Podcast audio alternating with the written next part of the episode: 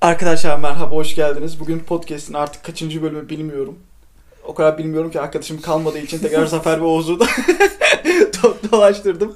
Ve bugün Covid hakkında konuşacağız. Covid'e e, çok farklı pencereden bakmayı deneyeceğiz. E, televizyonlarda sürekli Covid'in kaç kişi öldürdüğü, kaç kişinin bugün aşılandığı, kaç kişinin aşılanmadığı, aşılanmadığı vesaire konuşuluyor. Fakat bir de bir grup var ki Covid'e inanmıyor. Aşılara çok fazla güven sağlamıyor. Ee, bu programda aşı karşıtı kelimesini zaten kullanmıyoruz. Değil mi? Çünkü Evet. yani aşı karşıtı kelimesi şey bir kelime. Sanki bir şey varmış da yüzde yüz bir şey varmış. Yüzde yüz iman edecek bir şey varmış ve biz onun karşısındaymışız gibi bir e, algı oluşturuyor. Ama şunu da söylememiz gerekiyor. Tabii etik olarak. Ee, bu vereceğimiz şey tıbbi tavsiye değil. Evet. Yani e, isteyen istediği gibi aşı olsun vesaire. Biz sadece medyada çok fazla dinlendirilmeyen bazı iddiaları konuşmaya çalışacağız. Ee, sizlere anlatmaya çalışacağız. İşte Instagram'dan birkaç soru gelmişti. Onları yanıtlamaya çalışacağız. İşte bu olayların nasıl sulandırıldığından bahsedeceğiz. Çip. Gerçekten bize çip mi takacaklar? Aşıyla beraber yoksa e, daha farklı şeyler mi? İşte maymun kanı mı enjekte edecekler falan. Böyle uç şeyler de var, konular da var ama biz bunları hepsini e, belgelerle vesaire açıklayacağız. Zaten e, inanmadığınız bir şey olursa bana ve Zafer'e veya Oğuz'a Instagram'dan ulaşıp e, kardeşim sen bu şunu şunu dedin ama şunun belgesi nerede diye de sorabilirsiniz. İlk önce ben aslında topluma nasıl e, dayatıldığını anlatmaya çalışacağım. E, Covid'in yani toplumu nasıl etkilediğini anlatmaya çalışacağım. Kısaca bir sosyolojik değerlendirme yapacağım. O sosyolojik değerlendirme kardeşim. Ya ben bu Covid ilk çıktığında aslında benim şüphelerim şöyle başladı. Şimdi dünya hatırlıyorsanız Covid çıkmadan önce bir krizdeydi. Amerika-İran savaşı vardı, Avustralya'da yangınlar vardı, mülteciler Yunanistan sınırına gitmişti vesaire. Ama sanırsam Şubat ya da Mart'ta bir şey patladı. İşte Covid-19 bütün dünyaya yayılmaya başlandı. Bunların hepsi unutuldu. Ee, bu siyasi krizler de sanki yaşanmamış gibi. İşte İran'da bu adam öldürüldü. Neydi? Kasım subaylarının adamı öldürüldü vesaire. Ve bütün dünyanın gözü birdenbire bu virüse döndürüldü. İşte Hı hı. Çin'de ölen adamlar vardı böyle ayaktayken birdenbire. Ama işin garip tarafı biz e, Covid başladığında bunları görememeye başladık.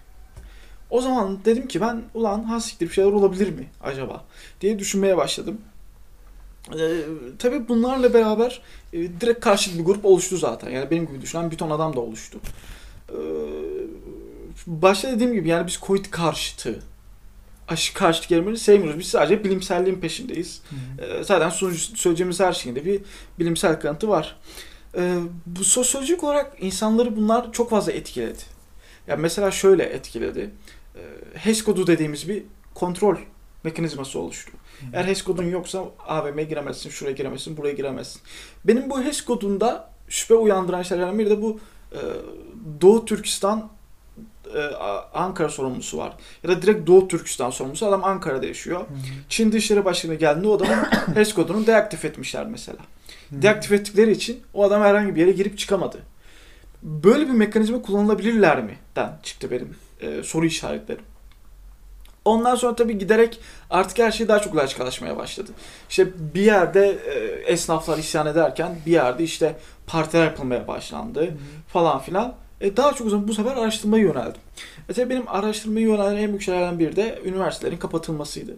Üniversiteler kapanıyor ama insanlar dışarıda işte partiler yapabiliyorlar, kongreler yapabiliyorlar, mitingler yapabiliyorlar. Aklınıza gelebilen birçok şeyi aslında yapabiliyorlar. Ama eğitim kurumları, işte kütüphaneler, tiyatrolar, sinemalar vesaire kapalı. O zaman dedim ki lan dedim burada bir şey var. yani onun bir şey olmaması imkansız. Ya Benim araştırmam aslında böyle başladı. Ve aslında birçok veride buldum. E zaten insanlar sosyolojik olarak güvenlerini e, çelişkilerle beraber sars- sarsmaya başladılar. Benim bu bahsettiğim dönemden itibaren birçok e, e, fikir değişti Covid hakkında. Mesela ben neden insanların Covid'e güvenmediğini bu Florence Nightingale diye bir e, hastane var İstanbul'da. Bülent Polat e, burada çalışan bir doktor ve bazı iddialar öne sürmüş. Şimdi e, dedim ya hani geçmişe bakıyorsunuz, bugüne bakıyorsunuz. Covid hakkında birçok şey değişti ve bunlardan şüphe duymamak imkansız. Şimdi ben onun e, direkt e, Twitter'ından e, yayınladığı, söylediği şeyleri e, okuyacağım size. Yani bunlar benim iddialarım değil tamamen doktorun söyledikleri. İddia değil bunlar. Örneğin Geçen yıl Mart-Nisan aylarında bir aşının bulunmasının en az 2-3 yıl alacağı söylenirken 6 ay içinde pek çok aşı ortaya çıktı. Zaten teknolojimiz hazırdı. O yüzden hızlıca faz çalışmaları tamamlayabildik denilerek bu mucizevi süreç açıklandı. Ee, e, halbuki şeye baktığımızda e, mesela onları Zafer de söyleyecek. Modern aşısının e, Çin'de Covid'den sonra yani 400 kişilik bir şeyden sonra e, hemen e, yapılmaya başlandığını görüyoruz. Halbuki bunun yapılma sebebi e, asla sorgulanmıyor. İkincisi mutasyon geçirmiş varyant virüslerin %60 daha öldürücü olduğu bildirildi. Sonra böyle olmadı ortaya çıktı. Benzer şekilde bu varyantların çocukları daha yaygın ve daha hastalandırdığı yayınları yapıldı. Sonra yok doğru değilmiş denilerek geri çekildi. Çocuklar süper ayıcı denildi, okullar kapatıldı ancak çocukların bulaştırmada rollerinin çok az olduğu saptandı. Aynı şekilde as- asemptomatikler asıl hastalığı geliyorlar safsası da sonradan düzeltildi. Aşıların faz 3 çalışmaları sonunda birinci ve ikinci doz arasında en ideal süre 21 gün olarak yayınlandı. Ancak İngiltere başta olmak üzere birkaç ülke 3 ay aralıklarla uyguladılar. Daha iyi sonuç bildirdiler. Daha 2 hafta öncesine kadar ABD'de Fauci başta olmak üzere herkes aşı olsanız da maske mesafe devam etmeli. Çünkü aşı bulaşmayı önlemiyor diyordu. Son haftada tam tersi aşılar bulaşmaya dönüyor. O halde aşılı olanların artık maske mesafe uygulamasına gerek yok denildi. Covid geçirenlere aşı üreticileri yine çift doz aşı önerirken birçok bilimsel yayın tek dozun yeterli hatta daha iyi olduğunu ortaya koydu. Yine aşı üreticileri 6-8 ay içinde 3. bir doz gerekecek, gerekeceğini söylerken pek çok bilimsel çalışmada gerek hastalığı gerekse aşı sonrası kazanan bağışıklığın çok da uzun süreli olacağı bildiriliyordu. İşte bu eksi 70 derece saklanma mevzusu var vesaire vesaire. Bu sebeplerden dolayı işte sosyolojik olarak baktığımızda insanların güvenlerinin ciddi anlamda sarsıldığını biz görüyoruz.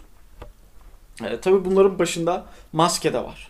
İnsanlar artık e, maskeye karşı olan güvenleri de sarsıldı. Buna baktığımda ben neden insanların artık maske takmaması, neden maske diretmesini de araştırdığım zaman yine maske içerisinde birçok çelişki görüyorum. Maskenin takılmamasının neredeyse takılmasının çok faydası olduğunu ben gördüm toplumda. Örneğin mesela e, e, bir araştırmada e, çocuklara işte okullarda maske takılıyor ve şu sonuçlar çıkıyor. Günde 4,5 saat maske takan çocuklarda görünen etkenler. %60'a sinir bozukluğu, %53 baş ağrısı, %50 odaklanma güçlüğü, %49 mutsuzluk, %44 okula gitme istek isteği, halsizlik, öğrenme gücü ve bitkinlik. Bu tarz şeyler insanlara artık şüpheyi düşürdü. Yani buraya kadar anlattığım şey aslında benim neden şüphe duydum. Veya toplumun buradan artık neden şüphe duyduğu ve sosyolojik olarak burada ne yapılması gerektiği. Yani bu HES mesela bir gözlem toplumu oluşturmak için çok ideal bir şey. Örneğin bugün işte Michael Foucault bir sürü kitap yazmış bu konu hakkında işte hapishanelerde, deli, işte tımarhanelerde, din gözlem toplumu oluşturması vesaire. Muhtemelen bugün yaşasaydı eğer e, bununla ilgili de bir kitap yazar diye düşünüyorum ben. E tabi bunun dışında benim anayasal hakkım da engelleniyor ve bu da topluma birçok e, engel teşkil ediyor. Örneğin mesela anayasanın 17. maddesinde tıbbi zorunluluklar ve kanunda yazılı haller dışında kişinin vücut bütününe dokunulamaz. Rızası olmadan bilimsel ve tıbbi deneylere tabi tutulamaz. Madde 22'de kanunda gösterilen istisnalar hariç olmak üzere kimse rızası olmaksızın ve verdiği rıza uygun olmayan bir şekilde tıbbi ameliyeye tabi tutulamaz. Madde 25'te kanunen zorunlu olan haller dışında ve doğabilecek olumsuz sonuçların sorumluluğu hastaya ait olmak üzere hasta kendisi uygulanması planlanan ve uygulamakta olan tedaviyi reddetmek veya durdurulmasını isteme hakkına sahiptir. Ama bugün e, aşı zorunlu değil deseler bile e, çok acayip bir propaganda dönüyor. Evet. Bunlar da beni şüpheye düşüren diğer şeylerdi. E, bir de artık Covid öyle bir yere geldi ki e, toplumda e, insanlar birbirlerine düşman olmaya başladılar.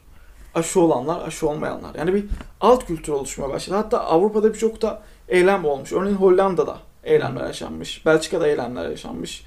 Türkiye'de büyük eylemler olmadı ama bildiğim kadarıyla e, Uğur Şahin'e ve işte bu 5G virüs platformunun yaptığı birçok davalarda açılmış. Hı hı. E tabi bunun dışında dünyada sağ kalma oranları mesela CDC'den okuyorum. 0-19 yaş %99.997. 22-9 yaş %99.98.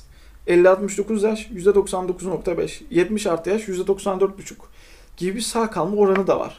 E tabi ama biz bu adamların neden öldüğünü de bilmiyoruz aslında evet. tam olarak. Çünkü otopsi uygulanmıyor.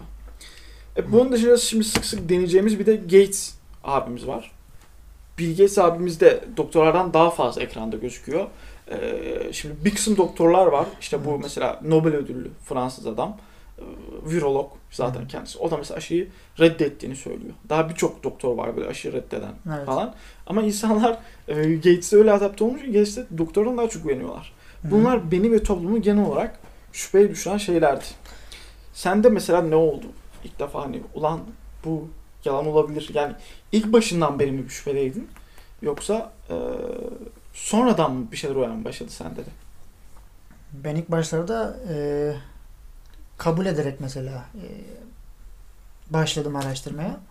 Hatta bayağı da korkmuştum yani. Videolar falan izliyorduk. Hmm, işte Çin'den gelen değişik videolar vardı. İşte bayılmalar olsun, işte e, hastanelerde yer kalmaması, e, hemşirelerin, doktorların e, isyanlarını belirten videolar falan geliyordu. E, ondan dolayı bir inanç gelişti o videoları izleyerek. E, sonrasında bir iki ay geçti sanırsam. E, Twitter'da falan e, paylaşılan e, bazı linkler vardı. Onlara tıklayarak işte e, tabi onların sonucunda bir sürü haber kaynağına falan ulaştık. Ondan sonra bende bir şüphe uyandırdı. Bill Gates'in zaten işin içerisine çok fazla dahil olduğunu görünce hani bunun Şey- neden böyle olduğunu merak ettim. Sonrasında e, bazı e, toplantıların olduğunu gördüm. Hı hı. Bill Gates'in ve Dünya Sağlık Örgütü'nün ve John Hopkins Üniversitesi'nin Hı hı. Bak bu arada şeyi de belirteyim arkadaşlar. Arada böyle hani bir 30 saniye falan bir sessizlik olabilir. Ee, Çünkü bizim burada şu an bilgisayar açık. Herkes e, belgeyle konuşmaya çalışıyor. Hı. Ya tamamen öyle ya abi ya bizi çip takacaklar. Muhabbeti yapmıyoruz. Evet. Ee, mesela 12 Eylül 2019'da Brüksel'de, Belçika'da e, şu haber kaynağında yazanı okuyorum. Hı. Diyor ki e, çoğu ana akım medya kuruluşu tarafından bildirilmeyen 12 Eylül 2019'da Belçika'nın Brüksel kentinde bir küresel aşı zirvesi düzenleniyor. Avrupa Komisyonu tarafından Dünya Sağlık Örgütü ile işbirliği içinde düzenlenen toplantı koronavirüs salgınının başlamasından sadece 3 ay önce gerçekleşti. Önemli bir şekilde bu aynı zamanda Bill ve Melinda Gates Vakfı, Dünya Ekonomik Forumu ve John Hopkins Üniversitesi tarafından e, düzenlenen 18 Ekim 2019'da gerçekleştiren şu anda kötü şöhretli koronavirüs salgını simülasyon tatbikatından sadece 36 gün önceydi. Hı. Davetli bir etkinlik olan aşı zirvesi katılımcıları arasında siyasi liderler, Birleşmiş Milletler e, ve diğer uluslararası kuruluşlardan üst düzey temsilciler, sağlık bakanlıkları, önde gelen akademisyenler, bilim adamları ve sağlık profesyonelleri, özel sektör ve sivil toplum kuruluşları yer aldı.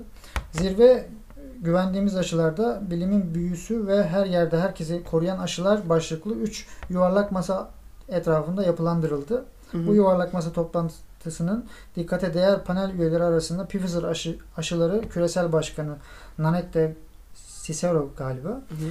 Bill ve Melinda Gates Vakfı'ndan büyük miktarda fon alan bir kuruluş olan Küresel Aşı İttifakı olan Gavi'nin CEO'su Seth Berkley ve Bill ve Melinda Gates Vakfı'nın küresel politika ve savunuculuktan e, sorumlu genel müdürü Joe Carroll var. Bu zirve toplantısında pandemi planlaması açıkça ortadaydı. Katılımcılara dağıtılan önemli belgeler arasında pandemik influenza hazırlık planlaması, Avrupa Birliği için bir pandemik grip egzersizi, kuş grevi ve grip pandemi hazırlık planlaması vardı. Ee, bunun haricinde bu iki toplantının haricinde Türkiye'de e, yapılan bir planlama var. Hı. Türkiye'de yapılan planlamada bir saniye. Pandemik influenza ulusal hazırlık planı. Ee, Türkiye'de mi? Türkiye'de eğer hazırlanmış bu. Hı. Yanılmıyorsam 2019'un Nisan aylarında e, Cumhurbaşkanlığı'nın çıkardığı bir e, genelge var pandemiye dair. Yani bunun hazırlanmasına dair böyle bir hazırlık planına. E, Kaynak Wikipedia'da var mesela. Diyor ki e, pandemik influenza ulusal hazırlık planı ve ulusal pandemi planı Türkiye'de küresel küresel grip salgınlarına karşı alınması gereken tedbirleri tanımlayan plan. Aralık 2019 e, 2019'da Türkiye Sağlık Bakanı tarafından yayınlandı. Yani e, çok kısa bir süre içerisinde yani bundan zaten e, bir aya kalmaz e, şey çıkıyor. Koronavirüs salgını çıkıyor. Arada çok az bir süre var. Bunun haricinde ne var?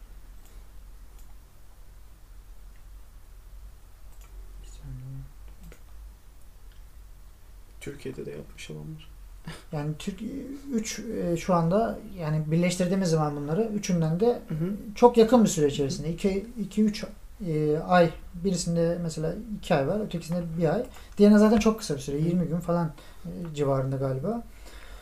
Onun e, haricinde ise aşılarla ilgili e, hazırlık var. Mesela Çin'de 22 şöyle bakayım. Çin genelinde Euronews'ten okuyorum hı. Çin genelinde 22 Ocak'ta virüsün bulaştığı kişi sayısı 200 e, pardon 440'a çıktı diyor. Can kaybı ise 9. Diğer ülkelerde e, bu e, zaman içerisinde şu an yayınlanan haberlere göre bir ölüm bulunmuyor. Hı hı. Ama baktığımız zaman e, haberlerde Moderna şirketinin aşıları 22 Ocak'ta e, aşı, koronavirüsün aşı, aşı çalışmalarına başladığını söylüyor. Yani zaten Dünya Sağlık Örgütü'nün sitesinde her gün başka bir virüs Hı. haberi görüyoruz. Evet. Ama özellikle bu virüse aşı hazırlamaya başlıyorlar. Hı. Ee, 440 kişi hastalanmış halbuki. Yani ve Çin aslında bunu saklıyor bir de. Evet, Yani bir durum da e, var. direkt ciddiye almaya başlamışlar bu hastalığı anladığım kadarıyla. Hı hı.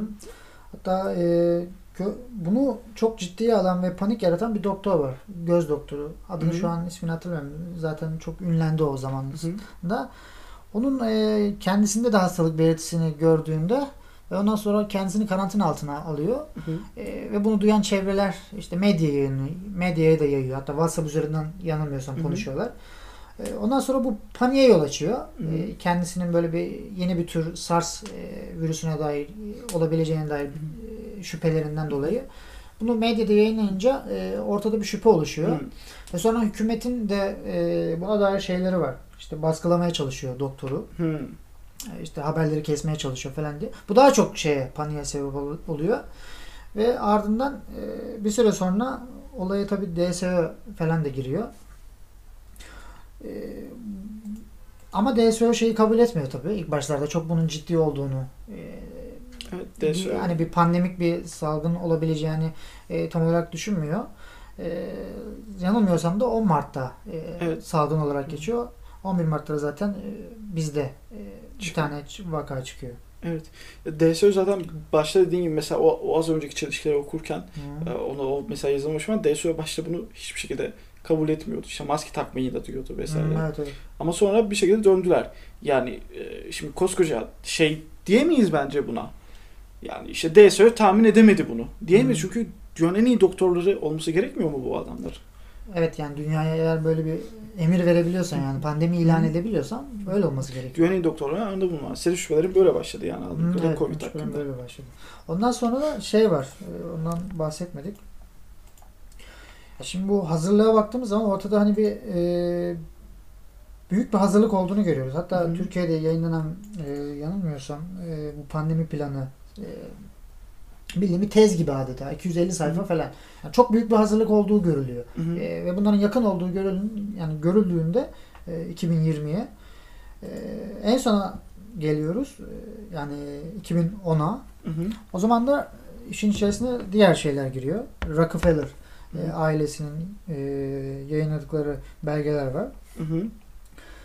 Mesela onlar da e, bir salgın tiyatrosu e, senaryosu daha da öyle diyeyim. Tiyatro deyince insanlar Evet belki mi? almayabilirler ama Event değil bu. Evet değil bu. Evet değil. 2010'da hazırlanıyor. Bu Ha, çok evet. daha önceden hazırlanmış bir e, senaryo. Hatta şu an işte raporu burada e, imzalı.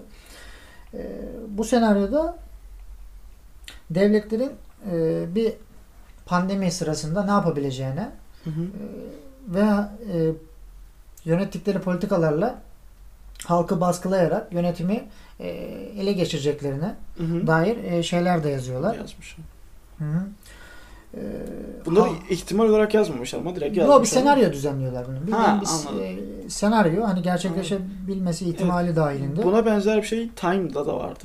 evet 2010 Time, Time dergisinde de vardı. 2023 2023 yılında Hı. adam sözde geleceğe gitmiş. E, geçmişe dair bir şeyler söylüyor. Ve bu virüs olayı vesaire de Virüs var. olayını falan Evet. söylüyor. Evet bu e, bir de şu var. Bir dakika bulabilirsem. 2014 yılında bir tane e, gazeteci de adını hatırlayamıyorum şu anda da. Eğer video bulabilirsem buradan söyleyeceğim. O gazeteci de bir programda Bu Rockefeller'ın zaten raporundan bahsediyor. Hı. Ee, böyle bir salgın sırasında hükümetlerin e, halklara baskı uygulayarak onların elindeki tüm e, hak, haklı, kendi haklarını, bireysel haklarını ele geçireceklerine dair e, belgeleri de kendisi de gösteriyor. Hı. Bu 2013'te yayınlan, yayınlanan bir şey. O şimdi e, başlarında çıktı bu koronavirüsün çıkmasıyla beraber e, YouTube'da falan yayınlanmaya başladı. Tabii e, şimdi şöyle düşünebilir herkes işte bu senaryo yalan falan. Ama buradaki bahsettiğimiz şeylerin hepsini birleştirince ortada hani öyle bir nasıl söylesem hani ciddiye alınmayacak şaka gibi veya işte komplo teorisi gibi bir şey Çıkıyor. o çıkmıyor. Hani daha çok ciddi bir şey, hazırlanmış bir şey çıkıyor ortaya. Hani bunda öyle yabana atılmaz gibi geliyor. Peki şimdi bunun başı böyleyse devamı da sahte olmalı. Yani mesela Devam, şimdi evet. böyle bir senaryo kuruyoruz. Ee, devamında da sürekli şüphe içeren şeyler olması gerekiyor. Mesela PCR dediğimiz bir test var. Evet bir şöyle mesela e, nasıl söylesem. Yani- Eğer bir şey hazırlığındaysan Hı sen bunun devamının nasıl gideceğini de öngörmen Hı lazım. Çünkü e, bir anda her şeyi e, karışır yani. Eğer Hı böyle, böyle bir plan kuruyorsan. Dolayısıyla bunun bir düzeneği de olmalı. Hı hı. Onunla ilgili bir PCR'la az önce bahsettin ya. PCR'la ilgili bir durum da var. Yani mesela PCR test e, bildiğim kadarıyla bu başlangıç gibi şüpheli bir test. Yani hı. mesela e, Elon Musk'ın bir tweet'i vardı. Evet. E, adam şu an teknoloji devi yani. Hı. E, kime sorsak Elon Musk'ı tanıyordur muhtemelen teknoloji olarak. Evet. Mesela o bir tweet attı. Ben dedi bir günde test oldum. Dört defa test olmuş günde. Hı hı. İki negatif, iki pozitif çıkmış. Aynı makine ve aynı hemşire, aynı genetizm. Yani hiçbir Hı. fark yok. Ve sadece Elon Musk zaten o e, şeyde PCR'da test oluyor ve iki Hı. negatif, iki pozitif çıkıyor. Hı. Şimdi bu, bu PCR test de o zaman dediğim gibi şüphe içeren bir test olarak görüyoruz biz bu PCR'ı. Zaten e, Doktorlar da yeni yeni öğreniyor diye biliyorum ben zaten. hekimler bunu e, açıkçası e, gördüğümüz kadarıyla bilmiyorlarmış. Yani Hı nasıl çalıştığını da bilmiyorlarmış. Hı. E, İşte kullanmayan haberlere göre veya kendi anlattıklarına göre bilmiyorlarmış. Yeni yeni öğrenmeye başlamışlar. Ki zaten kimyacı bir arkadaşımızla konuşmuştuk. Evet konuştuk. Aynı drop'u sürekli kullanıyorlar ve daha fazla pozitif vaka çıkmasına sebep oluyorlar. Aha, evet. Yani E, temizlemiyorlar. E, şey bu pipet var bir tane kullanılan. Bu örnek alırken bu örneği e, aynı pipetlerle alıp e, kullandıklarından bahsetti. Normalde ben izlediğim kadarıyla nasıl yaptıklarını izledim. Hı hı. Bir, bir şeye bir örneğe bir pipet, pipet kullanıp atıyorlar, bırakıyorlar yani. Yani PCR Covid'te kullanılabilir ama şüpheli mi yoksa kullanılamaz mı? Benim şu anda internette e, nasıl anlatayım? Bir video var. E, Kerem Ulis'in bu PCR'ı Mucidi. kendisi. E, hatta bunun üzerine Nobel ödülü alıyor. E, kendisinin bir sunumu var. E, Stephen Bastin diye bir doktorla bir tane daha doktor var. Adını hatırlayamıyorum onu şu anda. E, üçünün sunumu var. PCR'ın geçmiş, gelecek ve işte günümüze dair bir sunumları Hı hı. var. Bir buçuk saatlik. Orada beraber konuşuyorlar. 7 yıl önce falan yayınlanmış bir video. O, orada e, PCR'ın has- e, bulaşıcı hastalıklarda kullanılamayacağından e, bahsediyor. Kull- aslında her şey bir şey için kullanılabilir. Yani kullanılamaz değil. Yani alıp kullanabilirsin. Yani, Ama e, sorunlarından dolayı yani bu PCR'da senden alınan örneği e, çoğaltmaya yarayan bir şey bu PCR'da. PCR işlemi bütün onun haricinde tüpte e, belli bir işlem görüyor. Ondan sonra PCR makinesine sokuluyor. İşte primerler var, problar var. Hı hı. E, ara, ara, bulmak istediğin gen dizilimini şey yapıyor Hı hı. e, PCR. Kişiye özel. Kişiye özel evet. E, tabii ki şey primer probu şeye göre e, SARS-CoV-2'nin e, genine göre Hı. belli bir gen seçiyorlar.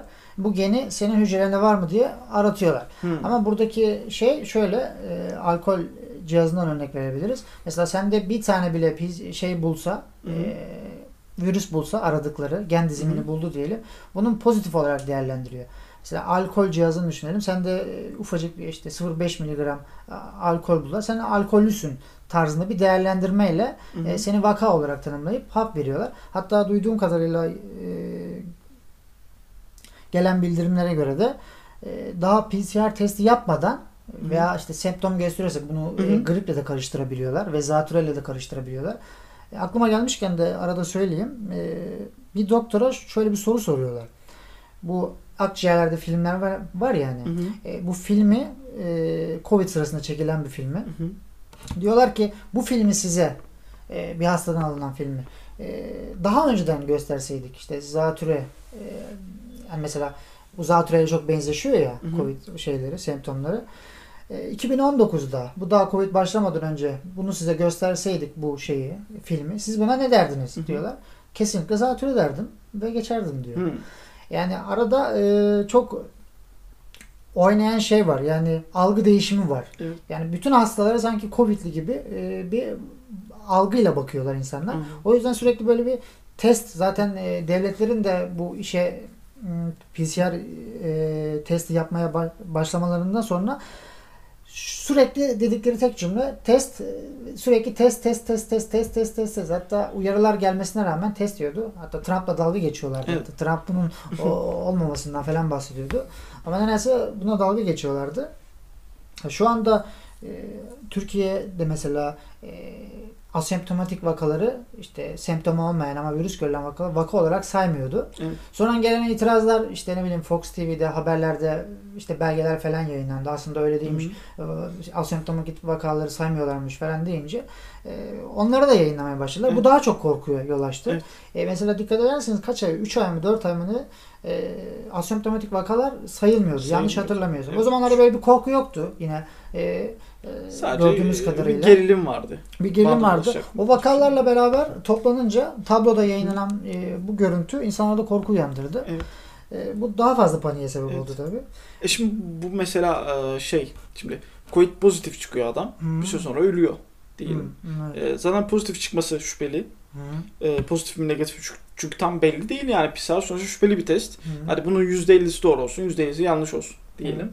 E, şimdi bu adam pozitif çıkıyor ve ölüyor. Hı, Şimdi bu adama direkt Covid diyorlar. evet. Ama bildiğim kadarıyla PCR PSR'da pozitif çıkıp e, ölenlere otopsi de yapılmıyor. Otopsi yapılmıyor evet. Yani bizim şu an bildiğimiz kadarıyla Covid'den öldürülüp otopsi yapılan herhangi biri yok. Yok herhangi biri. Ama mesela az önce sen bahsettin.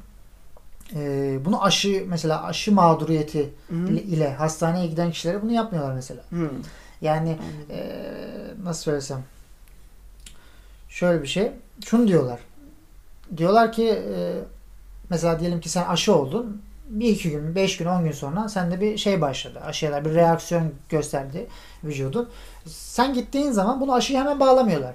E, şundan şunu söylüyorlar. Otopsi yapmadık yani veya üzerinde inceleme yapmamız lazım. Daha fazla incelemeliyiz, daha fazla incelemeliyiz diyorlar. Ama mesela e, dediğim gibi PCR pozitif çıkan birinin üzerinde o kadar çok inceleme yapmaya gerek duymuyorlar. Evet. Çünkü panik havasıyla hareket ed- eden doktorlar bunun hemen e, aciliyetten karantina altına alınması, ilaçlara verilerek e, temizlenmesi gerektiğini düşündükleri için belki de e, belki de bazıları bunu bilerek yapıyorlardır. Bilmiyorum o Bilerek kadarını. Ama çoğu doktor da panikle e, hareket ederek yanlış şeylere sebep veriyorlar. Evet. Zaten bu olayı çok fazla reddeden doktor da var. Var çok fazla. Evet. Evet. E, Genelde itibar suikastına şey yapıyorlar. E, Uğruyorlar evet. Uğruyorlar. E, mesela şimdi şey hmm, bu Kerem Müllis de ilginçtir. Covid'den bir yıl önce ölüyor. Evet Ağustos ayında ölüyor. Hatta bir yıl, bir yıl bile değil. Bir yıl ölüyor. 5-6 ay önce. PCR sadece insanlarda değil mesela meyvelerde de yapılacak Ha, evet. pozitif gösteren bir şey. Değil mi? Evet öyle. Tanzanya Başkanı hatta e, ölmeden önce bir video çekiyor bununla ilgili. Basın toplantısında Hmm. yanılmıyorsam galiba onların e, halka sesleniyor. İşte onların onlara özel bu galiba papaya meyvesi bilmiyorum ama hiç duydunuz mu papaya meyvesi? Evet. Onların yediği galiba papaya meyvesi hiç ben duymadım. E, hı. bazı örnekler almışlar. Hı hı. Ama bunu laboratuvara gizli bir şekilde yolluyorlar kendileri. Hı hı. Daha videoları var internette e, isteyen bakabilir. Ya da bize sorabilirler. Atabiliriz. Ee, petrolden, Hı hı. işte ne bileyim bazı hayvanlardan. ee, şu an papaya meyvesi kalmış Hı hı. aklıma. Bir de keçi vardı galiba. Hı hı. Bunların örneklerini alıyorlar. Hı hı. İsimli aynı e, insan gibi. Yani mesela işte Emirhan, Zafer, Oğuz falan yazıp üzerine etiketleyerek öyle gönderiyorlar. Hı. Sonra bunu alan laboratuvar e, örnekleri e, çıktığında bazılarının belirsiz, bazılarının pozitif, Hı. bazılarının negatif çıktığı e, görülüyor.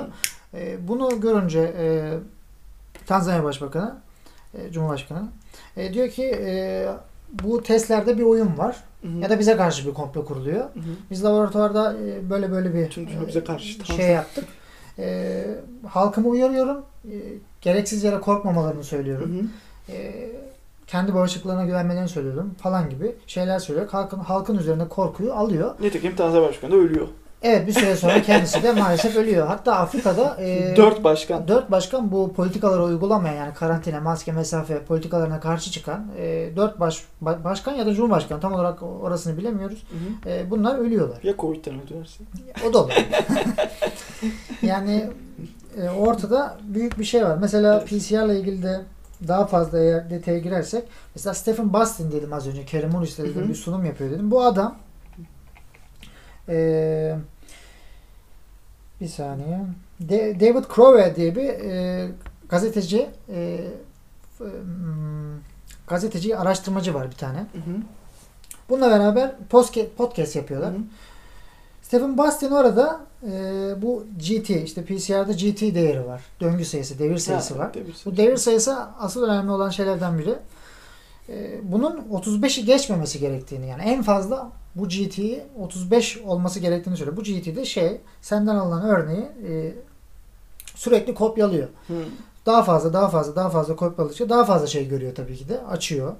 Ee, ama daha fazla gördükçe e, problem e, şeye yol açıyor. Az önce bahsettim yani mesela sende bir tane virüs virüs varsa ölüyse veya aktif değilse e, bunu algılıyor. Algılayınca da seni pozitif ilan ediyor. Hı. Şimdi mesela o PCR e, döngü sayısında şöyle bir problem var. Her ülke farklı farklı bunu kullanıyor. Bazılarında 40 kullanan var, 45 kullanan var, Evet. e, 35 kullanan var, 37 kullanan var, 39 kullanan var. Bunun, ama yani istenilen şey normalde hatta CDC'nin e, şöyle bir yayınladığı bir şey vardı. Aşı olanlara şu daha yeni yayınladılar. Bir iki ay ol- oluyor zannediyorsam eğer. E, aşı olanlar 28 döngüden Hı. Test ediliyorlar.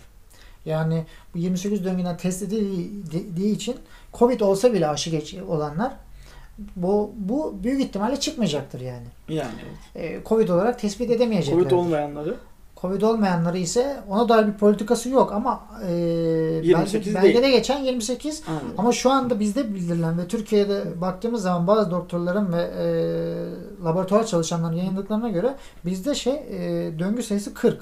Hı. 40 diye biliyorum.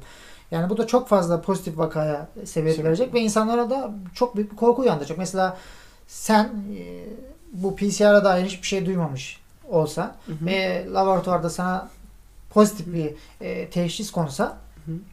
ve hemen sen semptomların olmamasına rağmen korkuyla hareket edip ilaçları içmeye başlayabilirsin. Hı hı. E, bu da senin sağlığını boşu boşuna etkileyebilir yani. Ki bu ilaçlar da aslında e, büyük bir sıkıntı. Hı hı. E, İlk iki ay boyunca kullanılan ilaçları biz bir süre sonra vazgeçtik. Sonra daha başka ilaç verdiler. Biz o ilaçlardan da vazgeçtik. Evet. E şimdi bu ilaçların etkilenip e, ölenler de var bildiğimiz Hı, kadarıyla. evet. Yazıyorlar, çiziyorlar. Çok fazla görüyorum. E, hastalananlar var hiç hasta değilken. Çünkü gün günde 10 tane hap içmek e, Hı. bir nevi intihar gibi bir şey. Bizi intihar olarak algılıyoruz. çok komik geliyor. PCR bunları da sebep veriyor. Evet. E, işte temel sıkıntı demek ki PCR. Yani bu en Covid şey şüpheli evet, başlıyor. PCR testi de şüpheli şekilde devam ediyor. E, PC en çok zaten e, takılan ve herkesin dediği gibi yani bu e, ortada çok büyük bir salgın varmış gibi algılatan şey bu PCR tamamıyla. Eğer bu PCR olmasaydı klinik e, olarak tanımlasaydılar, semptomlara bakarak tanımlasaydılar böyle bir şey olmayacaktı. Bu Evet. kadar çok yayın yani bu korku politikası yayılmayacaktı ama onu da şöyle tamamlıyorlar. İşte asemptomatik vakaları da belirlemek durumundayız. İşte sende virüs var ama hasta değilsin. Ee, de- de- ve dolayısıyla tehlikeli olabilirsin. Hı. Dolayısıyla PCR testi herkese yapmak zor durumundayız. Evet. Ee, ama mesela şey var. hmm, Bu PCR'da az önce bahsettim ya gene, belli genetik dizileri arıyor diye. Hı hı. Bu PCR'ın spesifik, spesifik olduğunu söylüyorlar. Yani o gen dizilerinin Hı hı. spesifik. Yani sadece e, SARS-CoV-2 virüsüne e, dair olduğunu e, belirtiyorlar. Ama bazı çalışmalar var. E, şu an bulabilirsem o doktoru. Bu çalışmalarda bahsedilene göre bu e, tabi bu her ülkeye göre değişiyor mesela. E, farklı ülkelerde farklı primer ve problar kullanıyorlar. Hı hı. Farklı gen dizilerini aratıyorlar. Çünkü bir yığın şey var onun gen dizimi var. Bunlardan bazılarını aratarak virüsü bulmaya çalışıyorlar. Ee, Bu Covid'in başında şey vardı. Oyt, Oytun Çerbaş vardı hatırlıyor musun? evet. Bu şey demiş ya Türk geni var. işte Covid olmayız falan. Acaba onun kastettiği şeylerden biri bu muydu? Bu gen dizimi miydi? Yo öyle bir kendi dizilimi değil. Hmm. Bu e, yani onun doğru olduğunu düşünmüyorum açıkçası da. Ha, buradaki e, ama onun söylediğine dair de bir araştırma yapmadım. Yani bilmiyorum onun açıkçası Hı hı. ona bir şey diyemem. E, buradaki araştırmaya göre doktorun söylediği e, PCR'da aratılan primerler ve hı. problar buradaki gen dizilimleri insandaki normal Hı hı. e, şeylere tekabül edebiliyor. Yani gen dizilimleriyle çakışıyor. Bazılarında %70, bazılarında %90, bazılarında %50 Hı hı. gibi şeylere takılıyor. Yani Hı hı. sende zaten var olan bir şeyi arattığını söylüyor. Ve bunu da dö- e, döngülerle eğer GT dö- döngüleri var ya az önce bahsetmiştim. Eğer döngünün de fazla olması nedeniyle zaten sende var olan bir şeyi algılatıp seni e, COVID-19 hastası olarak tanımlatabiliyor. Yani burada durum çok karışık. E, hasta değilsin ama hasta olarak tanımlanabiliyorsun. Hı hı. Bu da bir de virüsün şeyine de zarar veriyor. Mesela olup olmadığına dair e, konuya da girmemize sebep olabiliyor bu şey. Evet. Hı. PCR. Ee, zaten bunların dışında da çok fazla insanlarda çelişki var. Mesela Hı. şunun cevabı yok. E, Bu anlatılan bir soru haline getirirsek Hı. PCR testlerinin grip, nezle, korona ayıramadığı, hatta vücuttaki ölü virüslere ve virüs kanıtlarına pozitif sonuç verdiği bilinmektedir. İcat eden kişi dahi virüs taramada kullanamayacağını söylemiştir. Böyle bir teste çıkan pozitiflerin tamamı neden korona vakası muamelesi yapılmaktadır. Yani bizi dinleyenler bunun cevabını vermeli bence. Yani Hı hı. eğer şey yapıyorlarsa, Covid'e inanıyorlarsa. Peki e, zaten farkında mısın bilmiyorum. PCR hakkında söyleyeceğim başka bir şey var mı bu arada? E, şu var mesela bir vaka var. Hı hı. E, yani bir olay var. 2007 yılında gerçekleşiyor bu. New Times'ta, New York Times gazetesinde yayınlanan bir e, vaka. Şöyle başlık. Hızlı teste inanmak olmayan salgınlara yol açıyor diye bir e, haber var. Hı. Burada Dortmund Hitch- Hitchcock Tıp Merkezi'nde dahiliye uzmanı Dr. Brock Her ne, ne yazıyor burada? Her Herdon Hı hı. yanlış söylemiyorsam, telaffuz etmiyorsam Hı hı. öksürür durduramadı diyor. Yani gelen hastalarda belli bir öksürük varmış. Hı hı. E, bu da farklı farklı hastalarında çok fazla böyle bir vaka alınca PCR testiyle e, boğmaca salgını olabileceğinden şü- olabileceği şüphesiyle Hı. PCR testi yapmaya başlıyorlar. E, bir süre sonra hastane çalışanlarda da tabii yapılmaya başlanıyor bu. Hı hı. Sonra bakıyorlar hakikaten böyle bir pozitif çıkıyor. Yani herkeste böyle bir durum varmış gibi gözüküyor. Hı. Ama bazılarının semptomu yok. Bazıları da işte tabii grip olabilir veya işte soğuk algınlığından dolayı öksürü olabilir veya başka nedenlerle öksürü olabilir. Ama e, bu şüpheyle test yapılmaya başlanıyor hastanede. Sonra bir bakılıyor herkes pozitif çıkıyor ve önlem almak için aşılar e, ve e, ilaçlar içiliyor. Bazı hastane çalışanları e, şey izne gönderiliyor. Hı hı. Aradan 8 7 8 ay geçiyor. 7-8 ay sonra e, detaylı laboratuvar araştırmaları yapılıyor bunun üzerine. Bakıyorlar ki aslında öyle bir şey yokmuş. Ama diyor ki doktorun şöyle, söylediği şöyle bir şey var. Diyor ki ama emindik diyor. Yani Hı hı. e, semptomlarımıza falan baktığında yani bu e, PCR'la kontrol ettiğimizde bunun boğmacı salgın olduğunu o kadar emindik ki diyor. Hı hı. Fakat yanıldık diyor. Ve zaten başlığı da e, hızlı teste inanmak olmayan salgınlara yol açıyor diyor. Bu yüzden böyle atıyor. PCR'dan sonra değinmek istediğim bir şey var. Mesela hmm, bu Covid'in aslında bizi en çok rahatsız eden yönü belki. Bu maske mevzusu var. Hmm. Şimdi e, bilim yine aslında maske konusunda kendisiyle çelişiyor. Evet. E, diyorlar ki işte açık havada takmaya gerek yok, kapalı alanda takın. Ama bizim ülkemizde açık alanda takmazsan ceza yiyorsun. Ve galiba tek ülkeyiz şu anda. Ben Evet. yanılmıyorsam açık alanda maskeyi zorunlu kullanan tek ülkeyiz. İşte bir cezası var vesaire. Büyük ihtimalle öyle. Ama e, maskenin e, bu bu tarz bir virüsü e, hatta herhangi bir virüsü engellemediğine dair de bir sürü söylenti var. Yani bunlar ne kadar doğru? Yani gerçekten maske bizi virüsten koruyor mu, korumuyor mu?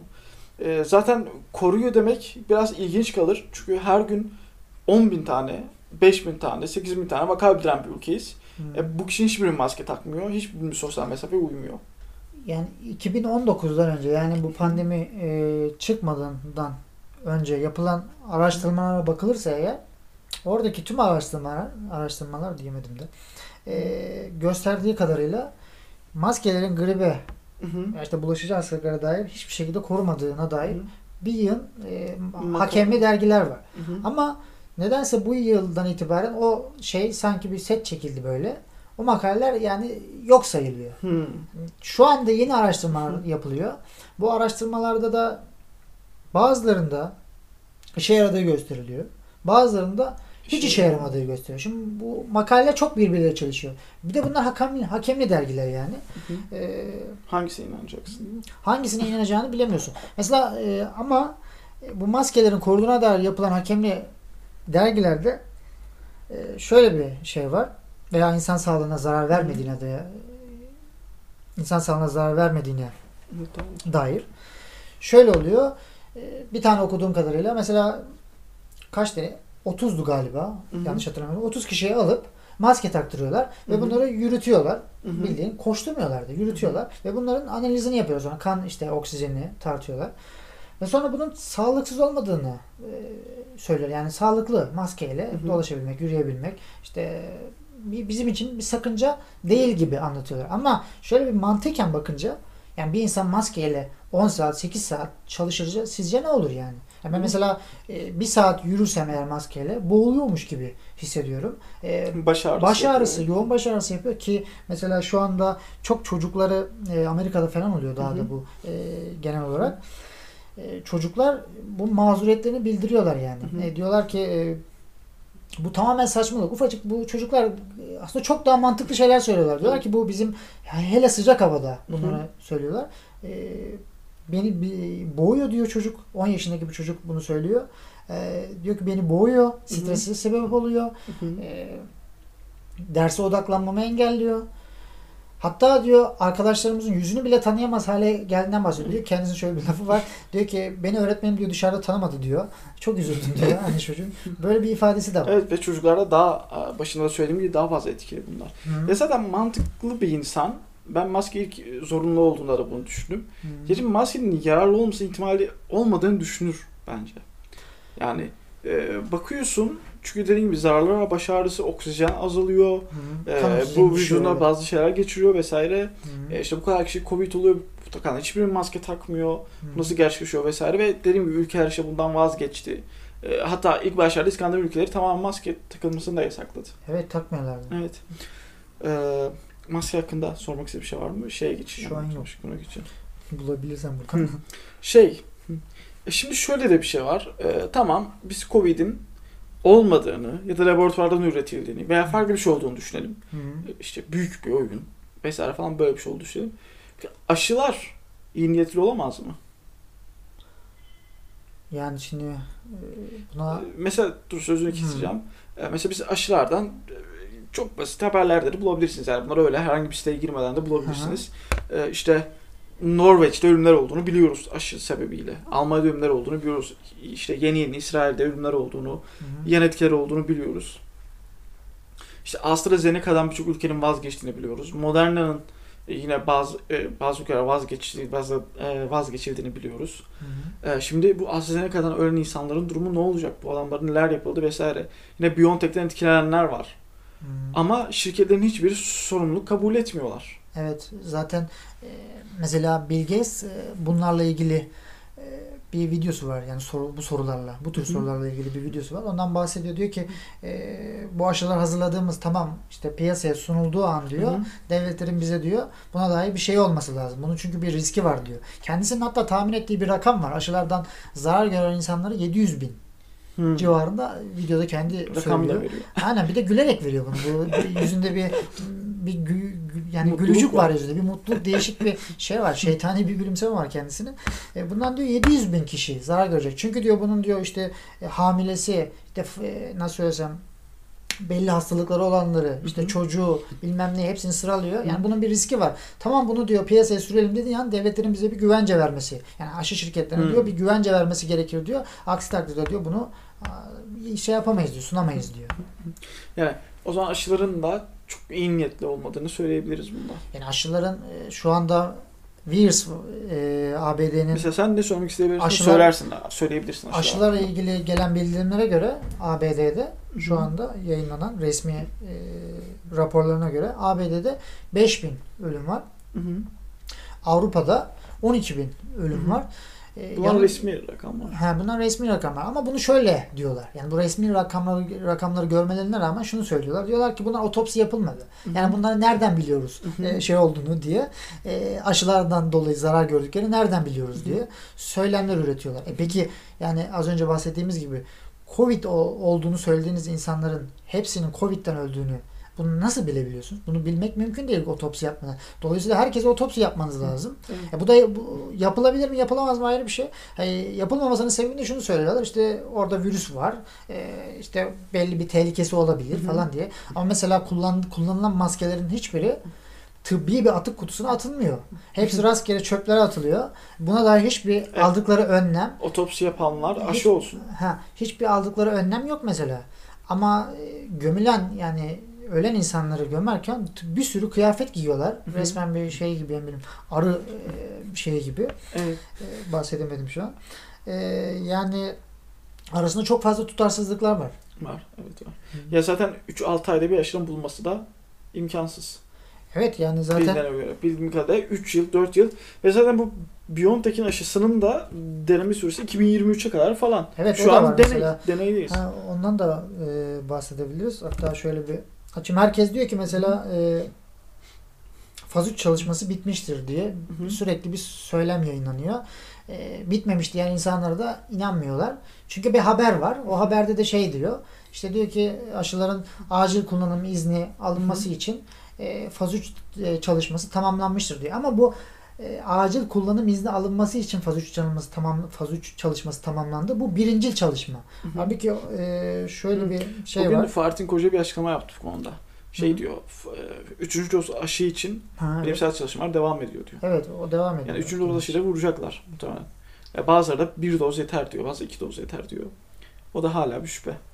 E, şöyle bakın. e, şu- e, sağlıklı bireylerde COVID-19'a karşı RNA aşısı adaylarının güvenliği, tol- tolere edilebilirliğini, immünojetis aman diyemedim bunu, etkinliğini tanımlama çalışması. Hı hı. Ee, burada diyor ki ilk e, nerede? Tahmini birinci tamamlama tarihi 2 Kasım 2021. Hı hı. Tahmini çalışma bitirme yani tamam tamamen bitirme bu şey faz 3 çalışmaları. Bu tabii farklı farklı mesela ergenlerde deniyorlarsa Hı hı. e, yani çocuklarda deniyorlar. Sağlıklı bireylerde bu sağlıklı bireylerde çalışma. Tahmini çalışma bitirme tarihi 2 Mayıs 2023. Bu BioNTech'in. Hı hı. Yani bu kadar süre var. Mesela şu da var.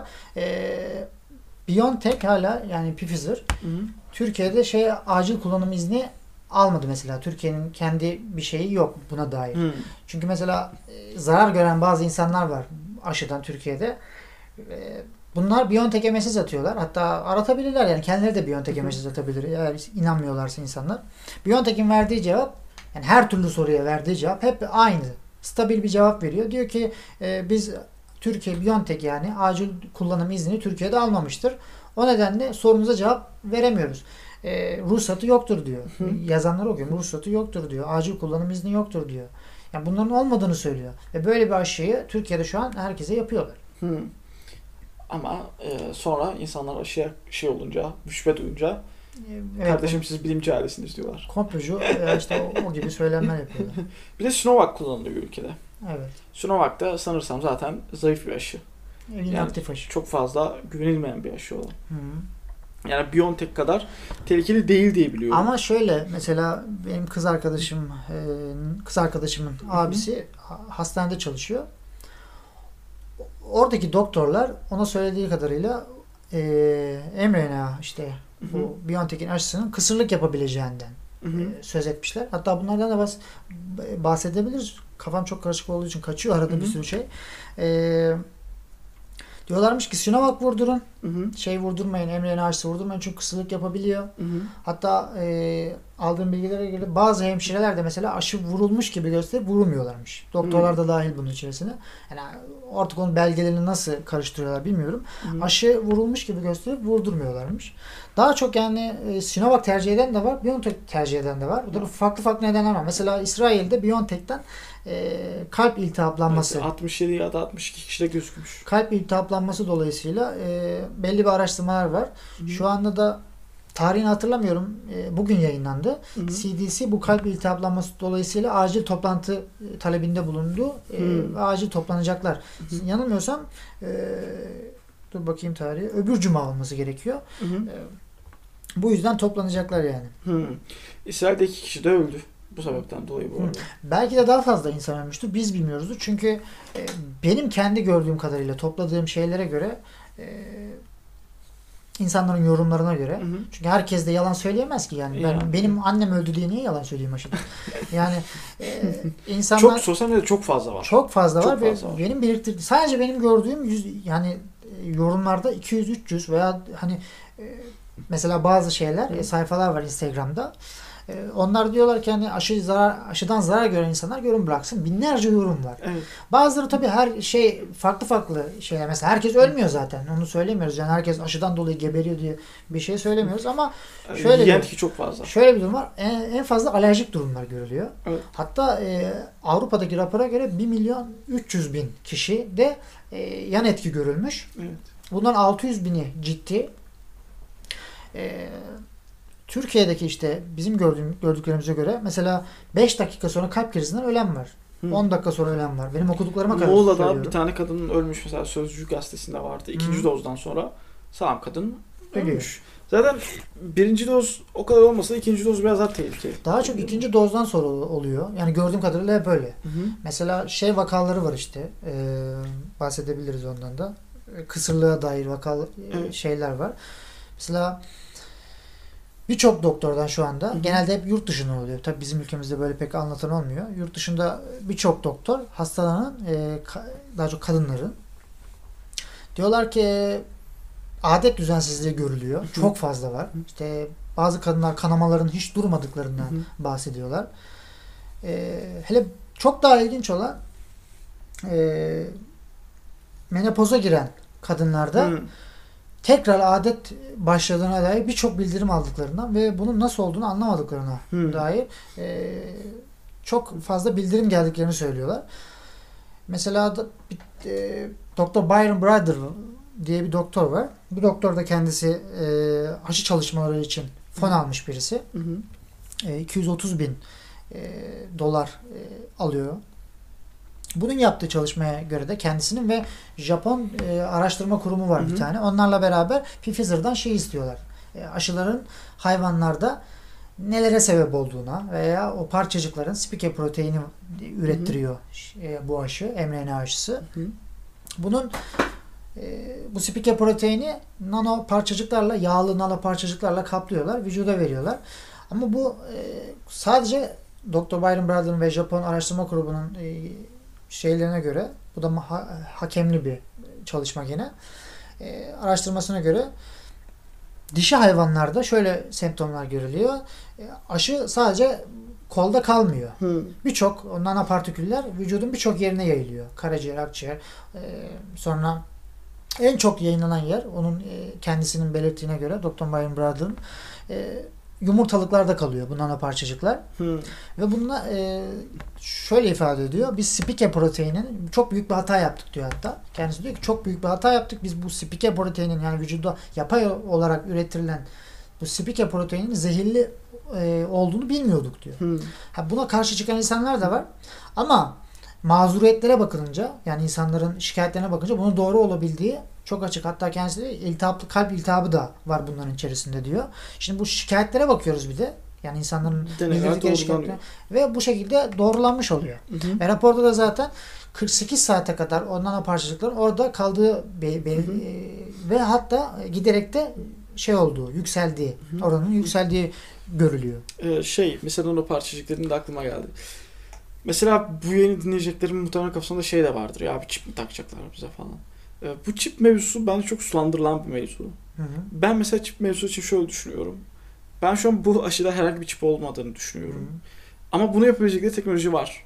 Ee, Evet. e, ve bu zaten İsviçre'de artık gönüllü olarak başlamış şeyler işte kollara Kolay yapılan çip, çipler. barkodlar vesaire işte Neuralink gibi e, çip çalışmaları var. Hı hı. Ama e, Covid aşısıyla çipin bir ilgisi olmadığını düşünüyorum ben. Sen hiç okudun mu böyle bir şey bilmiyorum ama.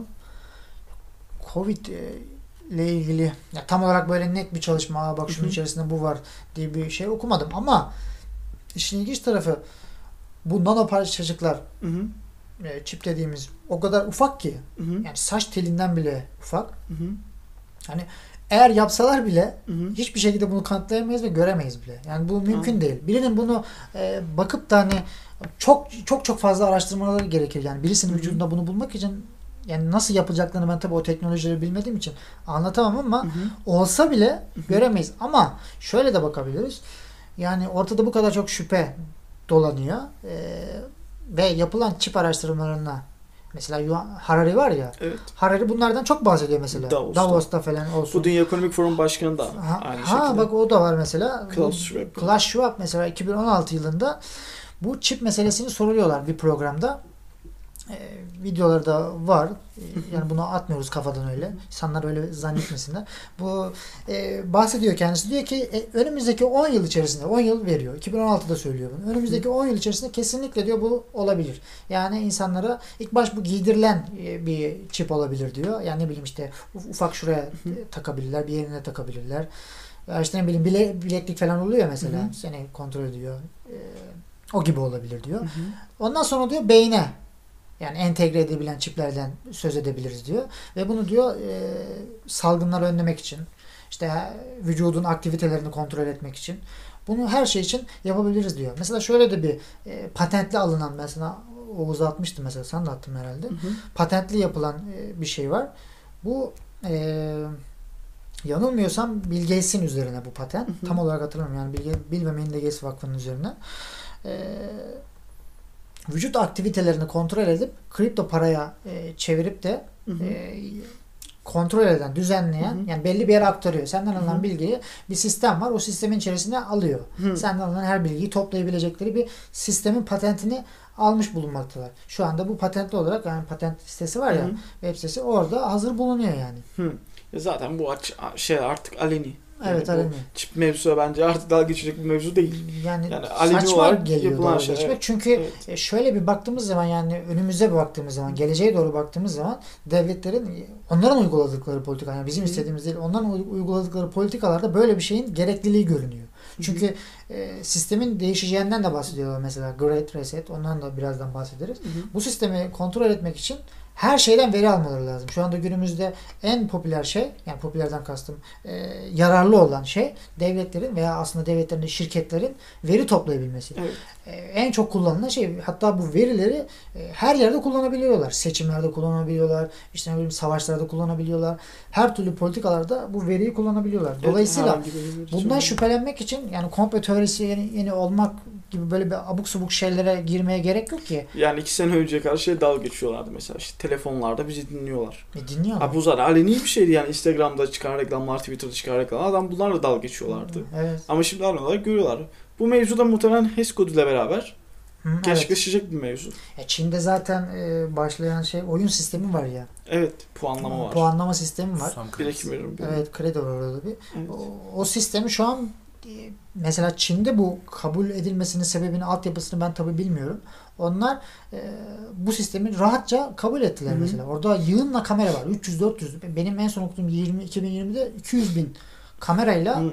e, her yeri kontrol ediyorlardı. Şu an o kamera kaç sayısı yani kaça çıktı hiç bilmiyorum. Belki de milyona çıkmıştır. Muhtemelen. Yani insanların her hareketini, her şeyini kontrol ederek analiz etmeye çalışıyorlar. E, şu anda baktığımız zaman batıya bizde böyle bir toplum yok. Yani bunu kabul edecek edebilecek bir toplum yok. Evet. Yani bir anda bütün her şeyinin izlenmesini Çin zaten Ee, totaliter bir toplum. evet izlenmesini kabul edebilecek bir toplum yok ve, ve buna böyle de bakabiliriz. Yani e, bir totaliter rejimin kendisini kabul et, e, ettirmek adına Hı hı. düzenlediği bir senaryo olarak da bakabiliriz. Çünkü batıda bizim böyle bir şeyimiz yok. Mesela biz böyle şeylere alışık değildik ama bize dediler ki mesela bir hafta eve gireceksiniz veya işte 15 gün.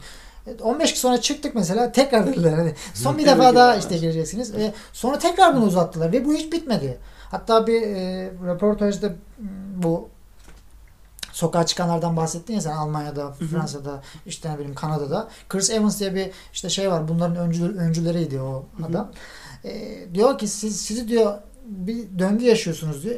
Mesela diyordu ki e, ilk başta sizi karantinadan çıkaracaklar. İşte Temmuz, Ağustos, Eylül gibi salı verecekler. Hepiniz kurtulduk zannedeceksiniz. Ta başında söylemişti bunu. Sonra sizi tekrar sokacaklar ve şaşırıp kalacaksınız diyor. Bu anlamıyor musunuz diyor. Bu özgürlüklerinizi elinizden alana kadar e, size yapacakları bir döngü diyor. Yani bunu basit şekilde anlayabilirsiniz diyor. Ama diyor e, size ilk başta özgürlükleri yani bizim özgürlüklerimizi elimizden alıyorlar ve bunu bir bahaneyle alıyorlar. Ondan sonra bunları biz satıyorlar. Hı hı. Yani bildiğin e, nefes almak için bir sebebin olmalı yani. Çay içiyor olmalısın mesela yani. Aynen, aynen Bu kadar e, despotizm yani bir şey olabilir mi? Kural olabilir mi? Evet. Yanı başımda adam oturuyor. O çay içiyor ve ben e, geziniyorum sokakta. Hı hı. O şurada çay içiyor. O e, nefes almakta özgür. Ben değilim. Hı hı. Ee, Mesela grid reset dedin. Ee, Bu ona da bir zemin. Evet Great Reset Ama Reset O is da var mesela. E, hatta Oğuz'da biraz da birazdan Oğuz'la da bunu konuşuruz. Great Reset'i mesela kitabını çıkartıyor Klaus Schwab biliyorsun. Hı hı. 3 Haziran diye biliyorum kitabın Amazon'da satışa falan sunuyor. Bunu Hmm. hazırlaması da var mesela. Bunu ne ara hazırladın mesela? Yani bu sistemi ne ara hazırladın? Yani kitabı çıkartıyorsun tamam ama bunu uygulayacaksın dünyaya. Ekonomik olarak dünyaya Hmm. uygulayacaksın. Ve bunu e, bunun bir hazır, ön hazırlığı olması lazım. Altyapısı olması lazım. Yani aa Covid-19 çıkmış. Hadi biz bu bir şekilde bundan bir fırsat çıkartalım. Bazıları da böyle düşünüyor. Diyorlar ki hani Covid yalan değil. Ama devletler bunları kullanarak e, böyle bir şey yapıyor. Ama e, problem şurada. Tamam diyelim ki öyle. Mesela Covid çıktı ve devletler bunu kullanarak totaliter bir rejim oluşturmaya çalışıyorlar. Hı hı. Ama bunun altyapısı olması lazım. Yani bunu bir anda Aa, sürpriz patlak verdi. Hadi biz de bir şeyler yapalım. Cinsinden olursa et, e, kuracakları yeni ekonomi bile e, düşer yani. E, o yüzden demem o ki bunun ön hazırlığı olması lazım. Az önce de mesela bahsettik ön hazırlığından pandemi e, Hı. senaryolarından bahsettik. Mesela Bill Gates'in pandemi senaryosu var. E, Pandemi ha, bir de ek olarak ona bir şey katayım. Bu pandemi senaryosu Bill Gates'in e, düzenlendiğinde koronavirüs üzerinden gidiyorlar zaten. Koronavirüs salgını olabileceğinden bahsediyorlar. Hatta çocuklara minik oyuncaklar dağıtıyorlar. Böyle Evet. virüs oyuncakları dağıtıyorlar. Evet. Ve e, oyuncakların nereden yapıldığına dair etiketlerde zoom yapmışlar. Çin'den oyuncaklar böyle. Böyle oradaki bir güzel sanki böyle şey gibi nasıl söylesem e, parti gibi böyle bir konser gibi böyle bir hava oluşturarak bunu e, yapmışlar. E, Bu arada şimdi aynı oyuncakları çocuklara aşı olmaları için veriyorlar. Evet öyle.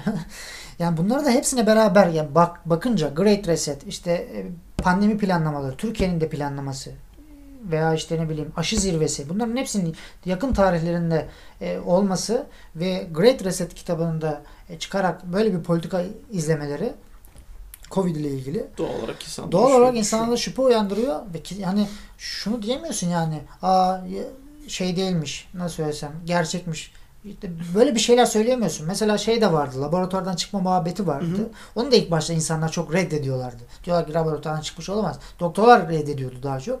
Yani böyle bir şey olamaz. Bu virüs doğal bir Ama şimdi virüs. Ama şimdi Fauci'nin, Dr. Fauci işte ABD enfeksiyon uzmanları şeyi başkanı e, onun maillerini hacklediler. Büyük ihtimal hacklediler diye biliyorum. Kendi yayınlamadıysa tabii. e, belgelerin e, konuşmalarında birçok virolog virologla konuşuyor orada. Virolog bir tane virolog var hatta özel olarak ondan bahsedeyim. Adını hatırlamıyorum da Twitter'da araştırırlarsa bulurlar. E, virologla mailleşmesinde virolog ona diyor ki ben bunun diyor e, laboratuvarla ilgili bir çalışma sonucu ortaya Hı hı. çıktığını düşünüyorum.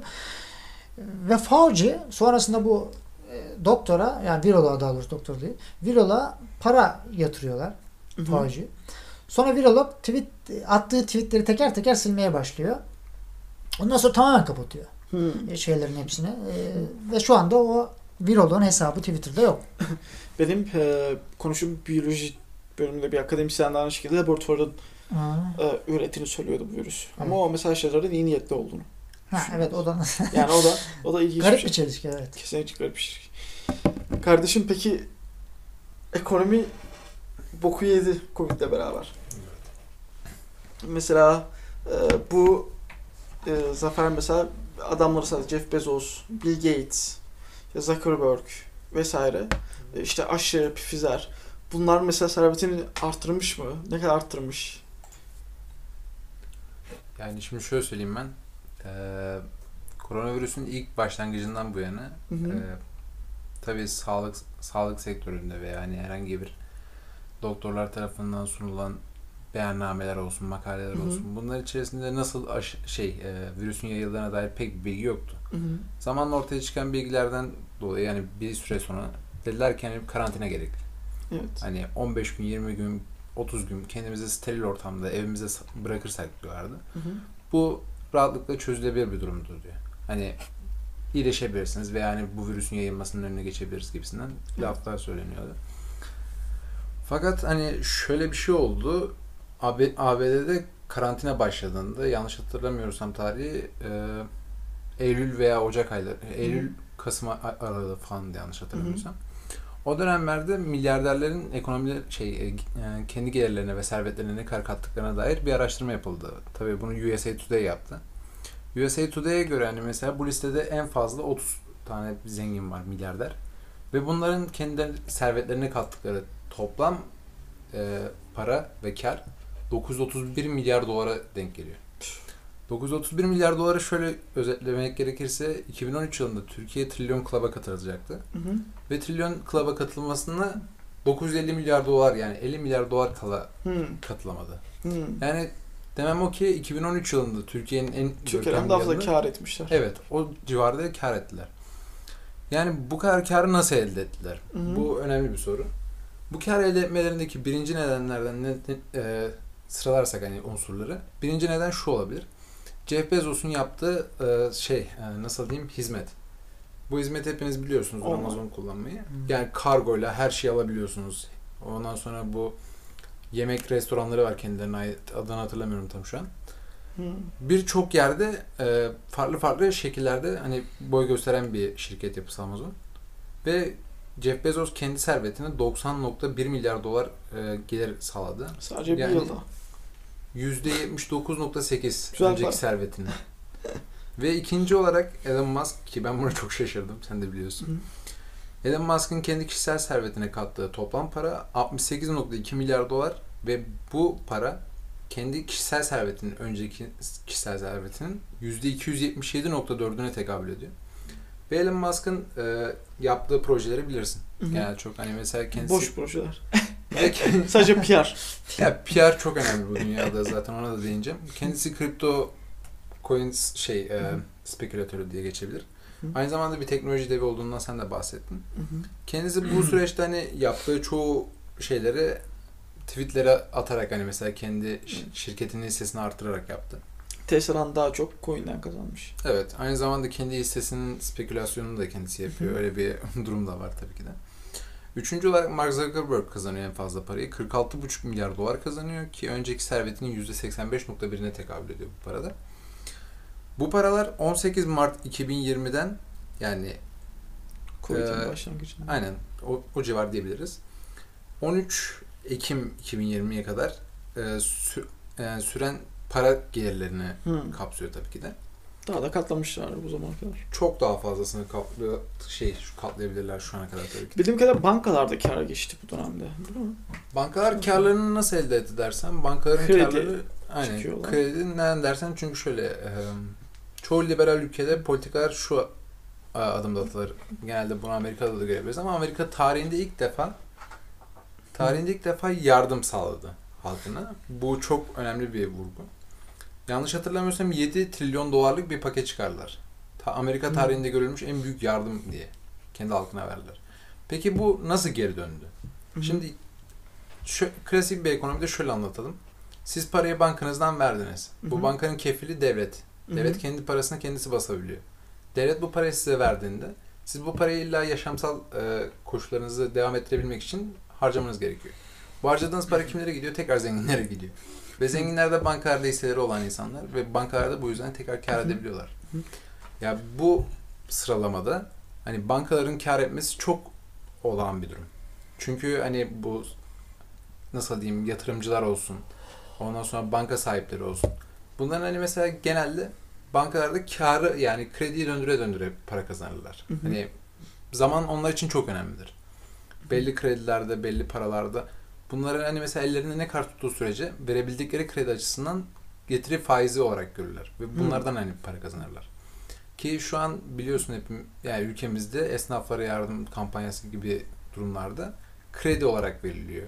Ve yani kişisel e, bireysel ihtiyaç kredisi, pandemi ihtiyaç kredisi diye krediler veriliyor. Bu krediler hani ödeyebileceği durumda olan insanlara verildiğin sürece bankalara kar olarak getiri sağlar tabii ki de. Hı hı. Ama şu an Türkiye'de yaklaşık, yani yanlış hatırlamıyorsam yaklaşık 150 milyar liralık batı kredi var. Hı. Bu da bir nevi bankalara tabii ki de yük oluyor. Yani Anladım. böylesine durumlar. Bu şey yüzünden önemli. Çünkü Covid'den önce dünya büyük bir ekonomik krizdeydi de aslında. Yani zenginler de aynı şekildeydi ama Covid'den sonra yine büyük karlar yaptıklarını görüyoruz. Evet. Türkiye'de de çok fazla esnaf etkilendi. Aslında zenginlerden çok e, esnaflar etkilendi bu durumdan. Yaklaşık çok etkilenen. 2 milyon e, kişinin ben battığını biliyorum. Yani öyle bir haber okumuştuk galiba sabah. Evet, doğru. E, esnafların kredileri var. Hmm. Örneğin eğlence ortamları, barlar vesaire de kapatıldı. Yani bu ekonomi meselesi de e, belki de bu Covid'in oluşturan yani Covid etken oluşturan ana unsurlardan biri. Ya, onu demişken ekonomiyle ilgili bir şey vereyim. Şu ismi ne kanka tam olarak? Jeffrey Sachs. Jeffrey Sachs değil mi? Ve bu ekonomist bir e, biri var. Onun 2019 23 yani 23 Eylül 2019. Ben Hı. toparlayayım öyle. E, bir videosu var. Hatta şeyde yayınlanmış bu video. The Economic Forum yayınlıyor. YouTube'da Hı var bu video. Jeffrey Sachs. E, kendisi diyor ki, gelecek yıl tarih tarih veriyorum ha tekrar. İki- 2019 23 Eylül. Diyor ki gelecek yıl yeni bir dünya ekonomisi yaratmak için inanılmaz bir olay olacak diyor. De- dünyayı değiştirecek ve çok heyecan verici olacak diyor. Hmm. Ee, ne diyor burada? İklim güvenliğinden bahsediyor tabi burada. Değiştirmek için falan. Ama bu yani bu bahsettiği şey de şu anda baktığımız zaman yani bildiğiniz zaten Covid üzerinden gidiyorlar. hı. Şimdiki sıra ise iklim. Bir de 2030 gündemi var. E, ekonomide. Şimdi 2030 ile alakalı mesela Time dergisinde bir geri sayım var. Hmm. Ha, evet, Hatırlıyorsan etmiştim. hala geri sayıyor. Orada bir saat var. Onun tam olarak sen baktın mı ona? Bana atmıştım. 2030 ile alakalı bir geri sayımı var. Bu geri sayımda 2030'da kadar ki işte neler olabileceklerinden bahsediyorlar. E, Dijital yapılanma var yine Hı hı. orada. Dünyaların dön yani dünyanın dönüşümünden falan bahsediyorlar. Hatta burada e, tam olarak nüfusu oranında mesela bazı siteler var. E, bir tane e, resmi bir site var. Bu silah sanayiye dair resmi bir site. Oradaki nüfus planlaması var bir tane. E, devletlere dair. Devletlerin nüfuslarının 2025'e kadar ne kadar olabileceğine dair analiz yapıyorlar. E, ABD'nin nüfusu 100 milyon civarına düşüyor. Hmm. Tabi bunun nasıl olacağını bilmiyorum. Belki başka bir savaş çıkar veya iklimle alakalı bir şey yapılır veya e, bambaşka bir şey olur. Greta Thunberg. Türkiye'de ufak bir değişiklik var ama e, bazı ülkelerde çok fazla değişiklik var. Ama bunların her zaman bahsettiği şey hatta şuralarında bir rozet takıyorlar. Belki gördünüz bilmiyorum. Bill Gates'te var, e, Klaus Schwab'da var. Bazı e, şeylerde takıyorlar, etkinliklerde takıyorlar. 2030'a Hı hı. dair etkinliklerde. O, o rozetin şeyleri var internette. Ne anlama geldiklerini falan. E, Pergel olan rozet. yok kanka yok, şöyle yuvarlak. Ha. Bir rozet var. Böyle gökkuşağı gibi. Ona benzer. Hmm. Ben görmüşümdür. Ya bunların hep her zaman söyledikleri şey 2030. Yani 2030'da çok büyük bir şey planlıyorlar. Hatta söyledikleri şey hiçbir şeye sahip olmayacaksınız. 2030'da dair sloganları bu. Ama çok mutlu olacak. Sosyalizm geliyor. Anladım. Evet o da ekonomi açıdan değerlendirilecek bir şey. Benim başka sorum yok. Bahsetmek istediğiniz bir şey var mı başka? Mesela ek olarak şeyi söyleyeyim. Az önce size gösterdim ya. Mesela bu salgın daha salgın olarak tanımlanmamışken yani pandemi Hı hı. salgın olarak tanımlanmamışken az önce mesela 22 Ocak'ta Çin'de e, 400 yanlış hatırlam- hatırlamıyorsam 440 mı dedik? Öyle Evet, bir evet. o, o kadar bir 440 sayıda kişi. enfekte olan kişi olmuş. 9 kişi de ölmüş değil Hı hı. mi? Bu 22 Ocak'taki rakamdı. Eunice'den okuduğum. E, şöyle bir baktığımız zaman bilim kurulunun ne zaman kurulduğuna bakıyoruz. E, 10 Ocak'ta kurulmuş. Hmm. Yani 2020 10 Ocak. Yani Hmm. ortada daha pek bir durum yokken açıkçası bu bilim kurulunu kuruyorlar. İşin daha ilginç tarafı tabii o e, farklı bir şekilde olabilir ama Twitter'da bilim kurulu diye bir sayfa var. Hı hı. Sana da atmıştım hatırlarsan. Onun e, kuruluşuna bir bakıyorum. Tabi bu Ha. resmi bir kuruluş mu bilmiyorum ama Evet. kuruluşu Ekim'de Hı hı. ve 2000, Ekim'de yanlış hatırlamıyorum. Aynen, 2019 Ekim. Ya o şey lazım. olabilir belki. Hani bir Ama sayfayı dönüştürmüşler. Dönüştürmüş belki. olabilirler belki ama bu da hani bir ek olarak belki hani şüphelenebilecek bir şey. E, niye olduğunu bilmiyorum tabii. Hı. Böyle. Anladım. Ee, Benim bahsetmek istediğim bir şey var. Bu da hani karantina dönemlerinde yani 2020-2021 aralığında iflas eden şirketlerden hani mesela bunlara örnek vermek istiyorum. Blockbuster ve Hammer biliyorsunuz çok biliyorsunuzdur belki. Blockbuster bir video e, kaset sağlayıcısı. Hı. Bunun şirketlere battı ve Hammer da battı yani. Hı. Bunun yanı sıra 35 tane büyük olmak üzere 90'dan fazla şirket battı Amerika'da. Aynı zamanda ülkemizde de 2 milyon esnaf kepek kapattı dediğin gibi ve 446 bin tane şirket battı. Ya bu şirketlerin yanı sıra şöyle bir durum da var. Ee, yani 22 milyon 127 bine çıktı icra ve iflas dosya sa- sayısı. Bunlar da çok büyük bir ekonomik şey gerileme sağlatıyor tabii ki de. Hı. Bunları söylemek istiyorum. Hı. Yani bunun haricinde başka bir Hı. şey söylemek istemiyorum. Bu adamlara yapılan zulüm. Aynı zamanda. Emlak sektörü ya şey yağ ve gaz yani gaz ve benzin sektörleri petroller. Evet. Onlar, Onun harici işte restoranlar, ulaşım eğlence sektörleri. Bunların hepsi bir sıkıntı Büyük yaşadı. etkenler. Biraz ek olarak e, unuttuğum konulardan da bahsedebiliriz. Olur. Mesela ilaç konusu vardı. Aa evet. E, mesela bizde yasaklanan ilaç var. HGQ, hidrokloralin Hı hı. diye söyleniyor. Bu ilaçla ilgili mesela birçok şey var. E, bunu ilk başlarda kullanıp sonra yasaklananlar var. Hı hı. Ama bunu e, nasıl söyleyeyim hala kullananlar ve tedavi niteliğinde protokoller hazırlayıp e, Hı hı. bağımsız kuruluşlarda yayınlayanlar var. Çünkü e, şeyler izin vermiyorlar. Yani bu Covid protokolü CDC'nin hazırladığı, genelde CDC'nin hazırladığı oluyor. E, protokol var. Belli bir protokolün dışına çıkılmasına izin verilmiyor.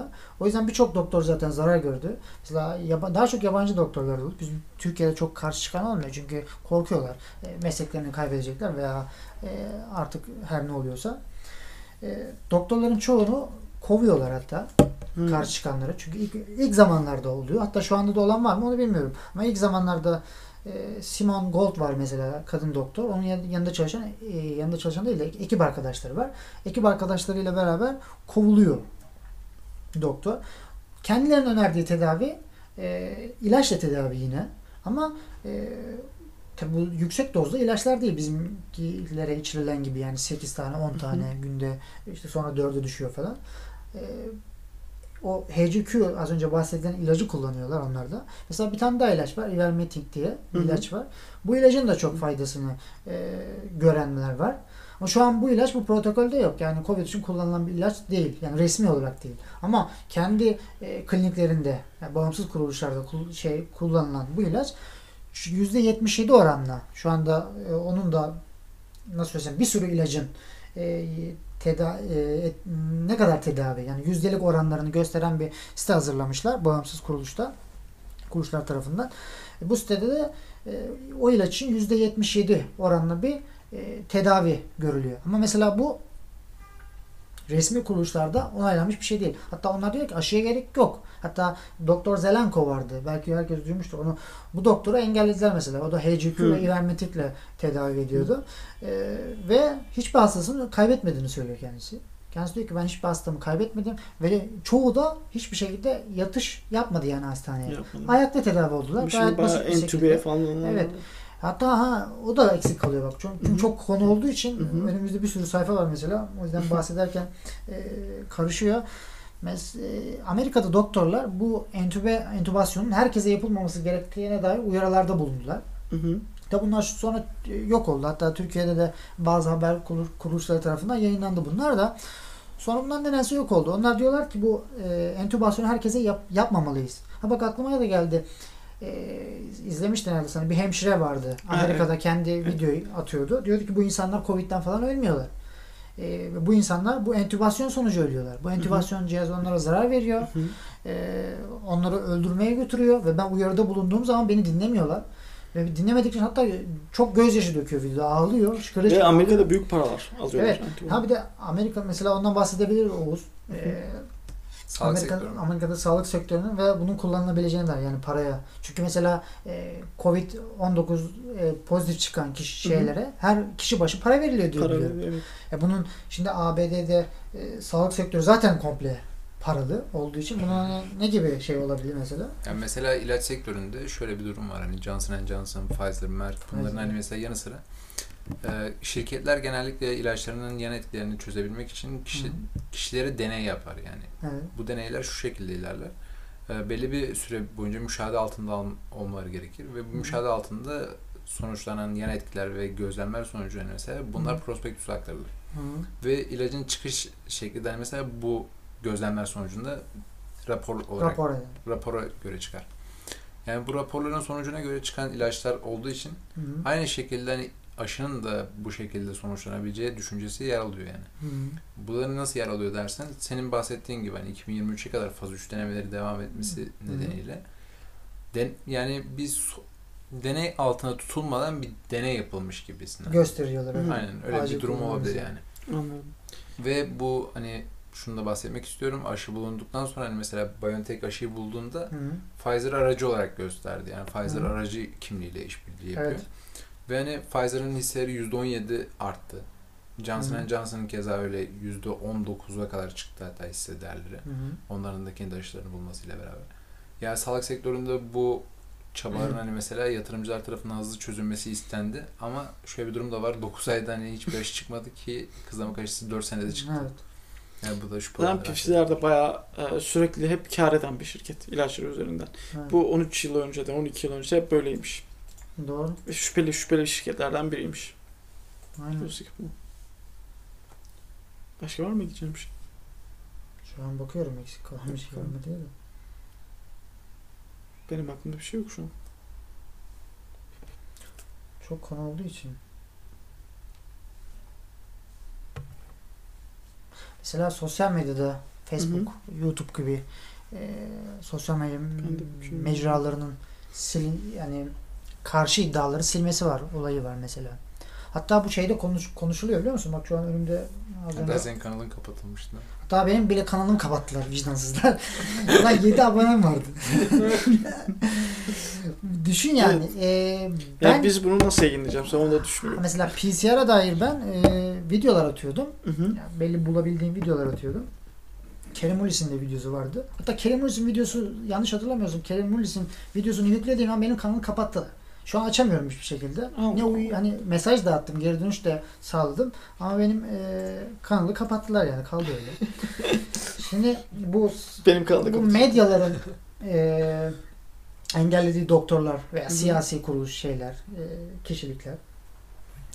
2019 az önce bahsettim ya Bill ve Menderes. Vakfı'nın düzenlediği onda e, sosyal medya kuruluşlarının artık bir şey olarak görülmemesi konuşuluyor. Eğlence amaçlı bir girilen bir yer olarak görülmemesi ciddi ciddi böyle hani e, demeçler verilen işte ne bileyim politikalar konuşulan bir yer gibi görülmesini ve, bu, ve dolayısıyla aşılar hakkında orada yazılan geri bildirimlerin kontrol edilmesi, analiz edilmesi ve bunların engellenmesi de orada konuşuluyordu. Şu anda yanlış hatırlamıyorsam bir habere göre e, 500 500 e, yarım milyona yakın pardon yarım milyona yakın video YouTube'dan silinmiş mesela. Hı. Bir de Facebook'tan da çok siliniyor. Hatta aşılarla ilgili yani aşıdan dolayı zarar gören insanların açtığı bir grup vardı. O da 200 bin kişi civarındaydı. O da Facebook tarafından kapatılıyor mesela. Zaten Düşün yani medyada bu tarz konuları konuşacak adamlar da pek televizyon çıkarılmıyor. Evet. Yani bir tartışma ortamı oluşturulmuyor. Hı hı. Bir tartışma ortamı olursa belki biz de ikna olacağız. Yani oluştursalar olacak. Mesela Almanya'da bunlar konuşuluyor. Evet. Almanya'da insanlar konuşuyor, ediyor. Almanya'da Orada bir bir şey adamı da tutukladılar bildiğim kadarıyla. Hollanda'da 87 bin doktor ve hemşirenin şeyi var. Ha 80 dok- doktor ve hemşirenin şeyi var. e, çıkardıkları, e, yayınladıkları belgeler var. Ha, Mesela e, avukat var. Ondan da- ondan da bahsedebiliriz. Doktor Rainer Fulmich. Hı hı. E, Kendisi e, Deutschbank e, falan onları mahkemeye veriyor. Sonra e, yanlış hatırlamıyorsam bir araba firmasıydı da büyük Volkswagen olması lazım. Onu da mahkemeye vermiş biri ve kazanmış da. Yani ünlü bir do- şey avukat kendisi. O da e, bin avukat, 10 bin tıp uzmanı, doğrusu tıp değil de 10 bin e, doktor ve bilim adamıyla beraber yeni e, şey hazırlıyor, rapor hazırlıyorlar. E, verdikleri dava açtıkları kişiler e, Dünya Ekonomik Forumu Aralarında Bill ve Melinda Gates Vakfı da var zannedersem. Dünya Sağlık Örgütü. Yanlış hatırlamıyorsam daha fazla var mı bilmiyorum ama bu kadar galiba. Yani bunları mahkemeye vermek için şu an hala çalışmalar düzenleniyor. Hatta YouTube'da neredeyse her gün diyebilirim. Şu an 500 tane video atmış olmaları lazım yanlış hatırlamıyorsam. Her gün 4-5 saatlik video e, hazırlayarak e, konuşuyorlar yani. Bizim- Şu an bizim konuştuğumuz gibi video atıyorlar oraya. Anladım.